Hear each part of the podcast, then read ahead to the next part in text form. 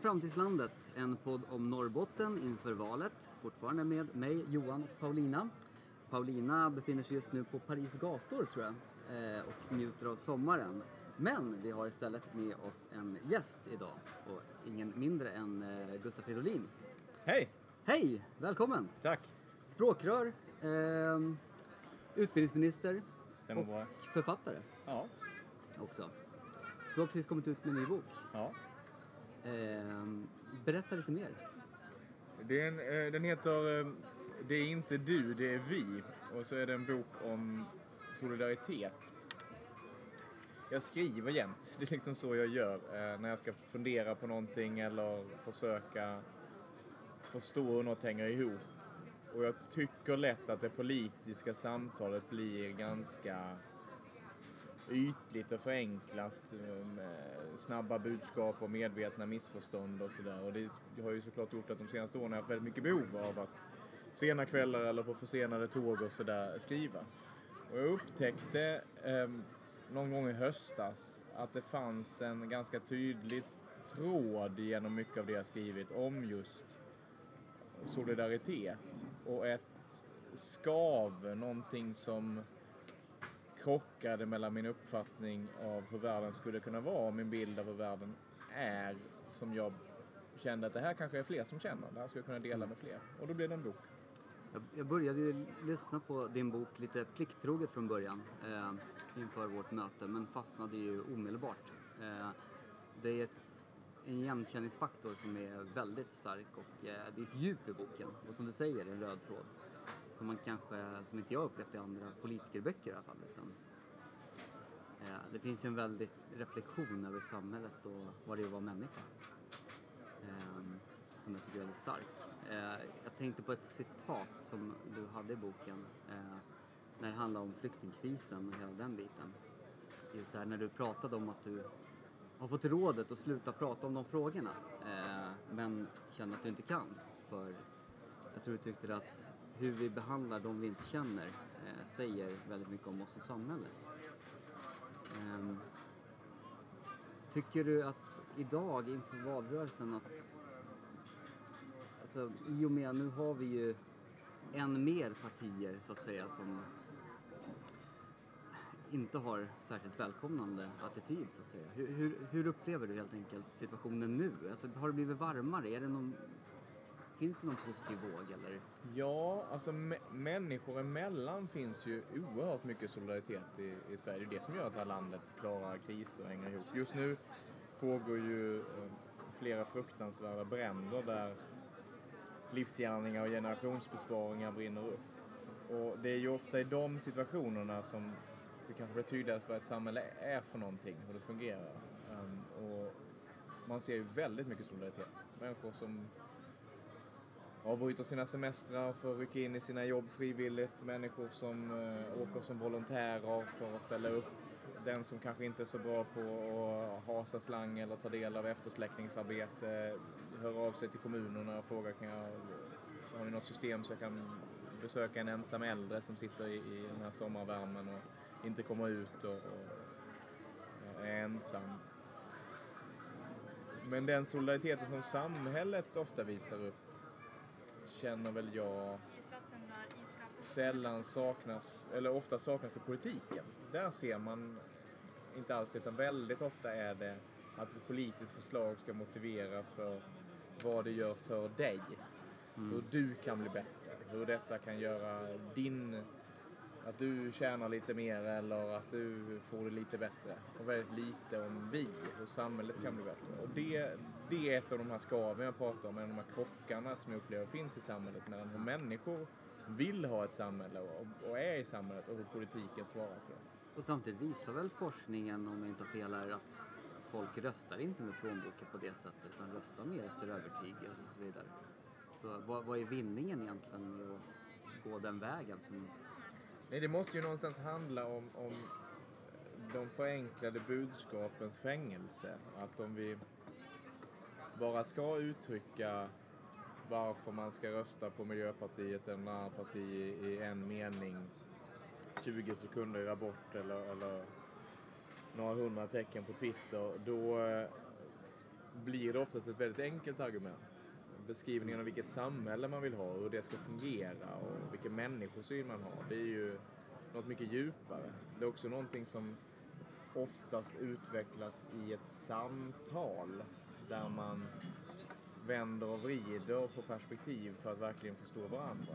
Och om inte det politiska samtalet är ett samtal längre, utan bara en, en försäljning av förslag och idéer, så finns det inte utrymmet för, för det. Så jag tror att det är det som gör att, trots att det inte är så effektiv kommunikation, så beter sig partierna, säkerligen också vi ibland, eh, utifrån det. Ja, det känner jag jättemycket att, att det är väldigt alltså särskilt rubrikerna styr väldigt mycket hur, hur samhällsdebatten går liksom. Eh, det är lite frustrerande nu, särskilt i, när man är mitt i valrörelsen, att, att ja men varför snackar ni inte om det här? Va? Ja, men, va? Man själv är ju helt in, man läser ju väldigt mycket om vad vi snackar om liksom. Eh, Så för mig känns det självklart att vi snackar om väldigt mycket grejer, men, men sen så eh, Ja, det folk läser är ju rubrikerna som kommer upp i flödena liksom. Eh, Folk, när jag säger folk så är det mig själv också liksom. Det är, det är, ingen, det är ingen skillnad. Det är bara att mitt flöde ser mer vinklat ut åt, mitt- åt Miljöpartiets politik liksom. Mm. Men hur, hur vänder man det här? För jag menar, när man pratar med människor säger ju alla samma sak som vi säger nu. Alla vill ju ha ett djupare samtal. Alla vill ju diskutera de här stora frågorna. Eh, det du har gjort med boken är jättebra, för, alltså, men alla kan ju inte skriva en bok. Hur kan man få det här samtalet att gå igång överallt så att säga? Jag, Jag, jag, jag har fått en fråga några gånger och jag blir lite uppfordrande i mitt svar inser jag. Ehm, dels måste såklart vi politiker ta ansvar för hur vi argumenterar och beter oss i debatt och vad vi beskriver. Men det handlar ju också om alla som för stunden inte har eh, ett politiskt uppdrag, hur man tar sitt medborgarskap. Man kan ju välja att, att vägra bli reducerad till en plånbok eller bli behandlad enligt sina... Inte lyssna på den som bara vill kommunicera med det sämsta inom oss. Alltså det, det, mycket politisk kommunikation handlar ju om rädsla eller hopp. Eh, och mellan de två alternativen så finns det ju en kraft som vi vet kan göra stordåd och en kraft som oftast gör oss ganska eh, inskränkta och håller oss för oss själva. Och man kan ju vägra att lyssna på den som vill kommunicera med vår, vår rädsla, inte liksom vilja gå på det. Men det kräver ju eh, en hel del av oss som medborgare. Och det kan ju låta stort och svårt, men samtidigt ska man ju veta att människor har ju i demokratin avkrävs just den typen av svåra svar, frågor, värderingar i en under lång tid. De generationer som levde när demokratin bröt igenom i Sverige hade ju inte alls den utbildning eller eh, skolgång eller, eller eh, ens fritid som vi har idag för att kunna göra det. Det borde vi klara. Jo, men jag, håller med dig helt. Men det, det är där jag alltid har funderat i alla fall. För vad var det som fick dem att ändå gå samman? Trots förhållandena, trots eh, som du säger utbildningsnivån som var då, men ändå känna den här solidariteten gemensamt och driva rörelsen gemensamt även för, för samtliga i samhället, vilket det var på 1800-talet. Va- Varför kan vi inte göra det nu? Eller Men det kanske vi kan? Ja, det tror jag. Och det sker väl på väldigt många sätt. Eh, Det har ju skett många stora förändringar. Men eh, jag går i boken igenom ett antal saker som jag tror står i vägen för vår solidaritet. Och- en av de sakerna jag verkligen uppehåller mig vid är stress. Så stress är ju en rent biologisk funktion som finns till för att vi ska hantera, vi ska möta en fara. Eh, och då ska man stänga av eh, den egna viljan, vi ska inte längre handla utifrån våra värderingar utan vi ska eh, snabbt genom det autonoma nervsystemet bestämma oss för, ska jag fly, ska jag eh, slåss eller ska jag spela död? Och det är ju tre eh, handlingsvägar inför fara som är utvecklade för livet på savannen och inte lika effektiva vid en förskolelämning eller eh, på en... Eh, eh, Jag brukar ta till flykt oftast. ja, det, men det, är liksom- det, är- Spela död brukar Det kan vara händer ganska ibland. avslappnat. det är jättedåligt då, om du liksom ska möta en, en treåring som står och gnäller eller en, ett jobbigt möte på jobbet. Ehm. Men vi, vi har byggt ett samhälle där den här stressen hela tiden eh, blir en del av varje litet moment som vi gör under dagen. Ehm, och det den stänger av är ju just vår förmåga att se en annan. Vår förmåga att förstå hur en annan har det. För vi ska ju inte vara fokuserade på andras förutsättningar utan vi ska rädda oss. Eh, och i förekommande fall våra barn. Det, ehm, ibland, alltså vi har också ett samhälle där det inte är tyst någon gång riktigt. Vi är väldigt duktiga på att aldrig ha tråkigt. Eller liksom aldrig låta våra tankar vara... Jag tror det, det är säkert inte alla, men jag kan känna det väldigt mycket. Att, att eh, eh, när man har en tyst sekund så har man väldigt lätt att fylla den sekunden liksom. Istället för att eh, för att bara vara liksom. Det är många som säger att duschen är det bästa stället liksom. För där kan du inte ha någonting liksom eh, att, att eh, göra. Då har du bara dina egna tankar liksom. Att, att ha att göra med. Ja, Jag har ju dessvärre börjat fylla den med poddar nu, Ja. alltså, för att hinna med det. Det är fruktansvärt det är så att man gör det. Men... Man skapar att göra-listor hela tiden. Men det, det, jag har ett kapitel som heter just Varför blir inte vi smartare när mobiltelefonerna blir det? Eh, För det fanns ju den här, det var inte så länge sedan man, eh, man eh, använde begreppen kunskapssamhälle och informationssamhälle som synonymer. Ja. Att när vi hade mest av information skulle vi alla bli så mycket klokare. Ja. Eh, Och det har nog de flesta slutat göra för att man Ja. inser att effekterna av att ha väldigt mycket information runt sig om sig behöver inte alls vara att vi blir klokare. Utan det kan, om vi inte får verktygen att kunna hantera all information och informationsstressen nog snarare få precis motsatt effekt. Och det handlar ju om just detta. Hur, och också liksom de kommersiella intressena i det. Att några av jordens smartaste hjärnor har satt sig eh, i uppdraget att se hur kan de hålla fast oss i, flöden i sociala medier så friktionsfritt som möjligt.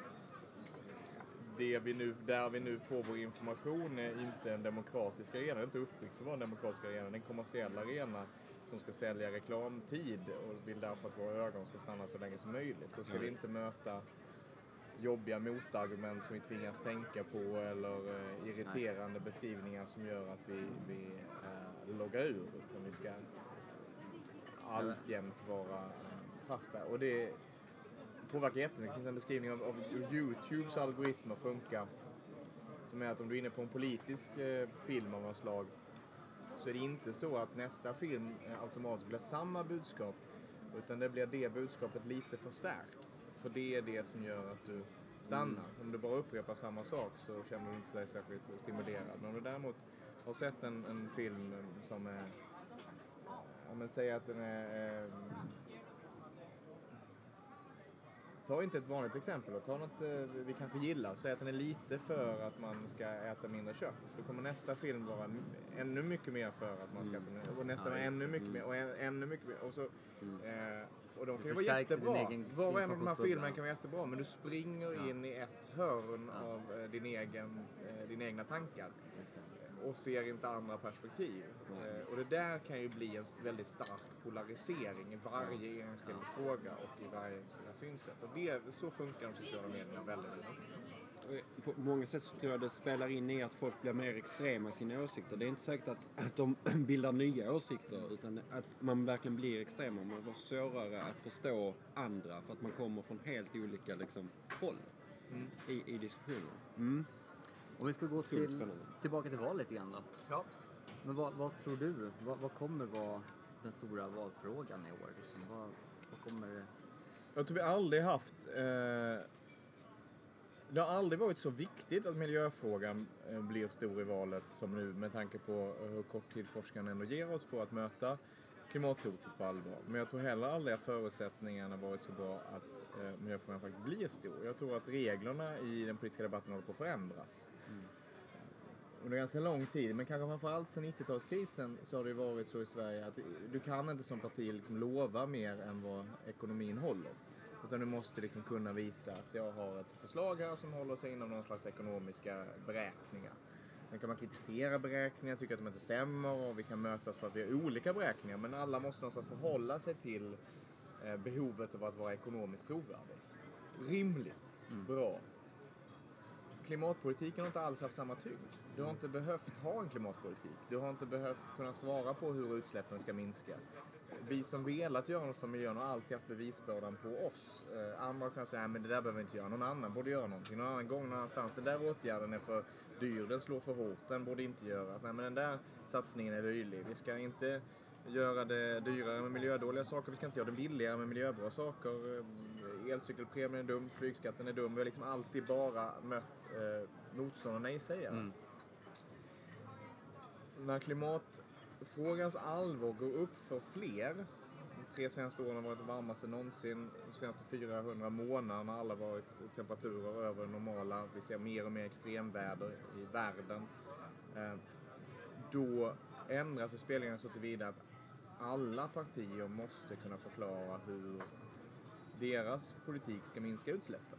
Alla måste på något sätt vara inom naturens eh, regelverk på samma sätt som man behövt vara inom de budgetmässiga regelverken. Och det förändrar spelreglerna på den politiska debatten. Och det tycker jag är väldigt spännande inför de kommande veckorna. Ja, jag ho- jag hoppas du har rätt på den punkten. Eh, sen har vi ju frågan, värderingsfrågan som har vuxit upp.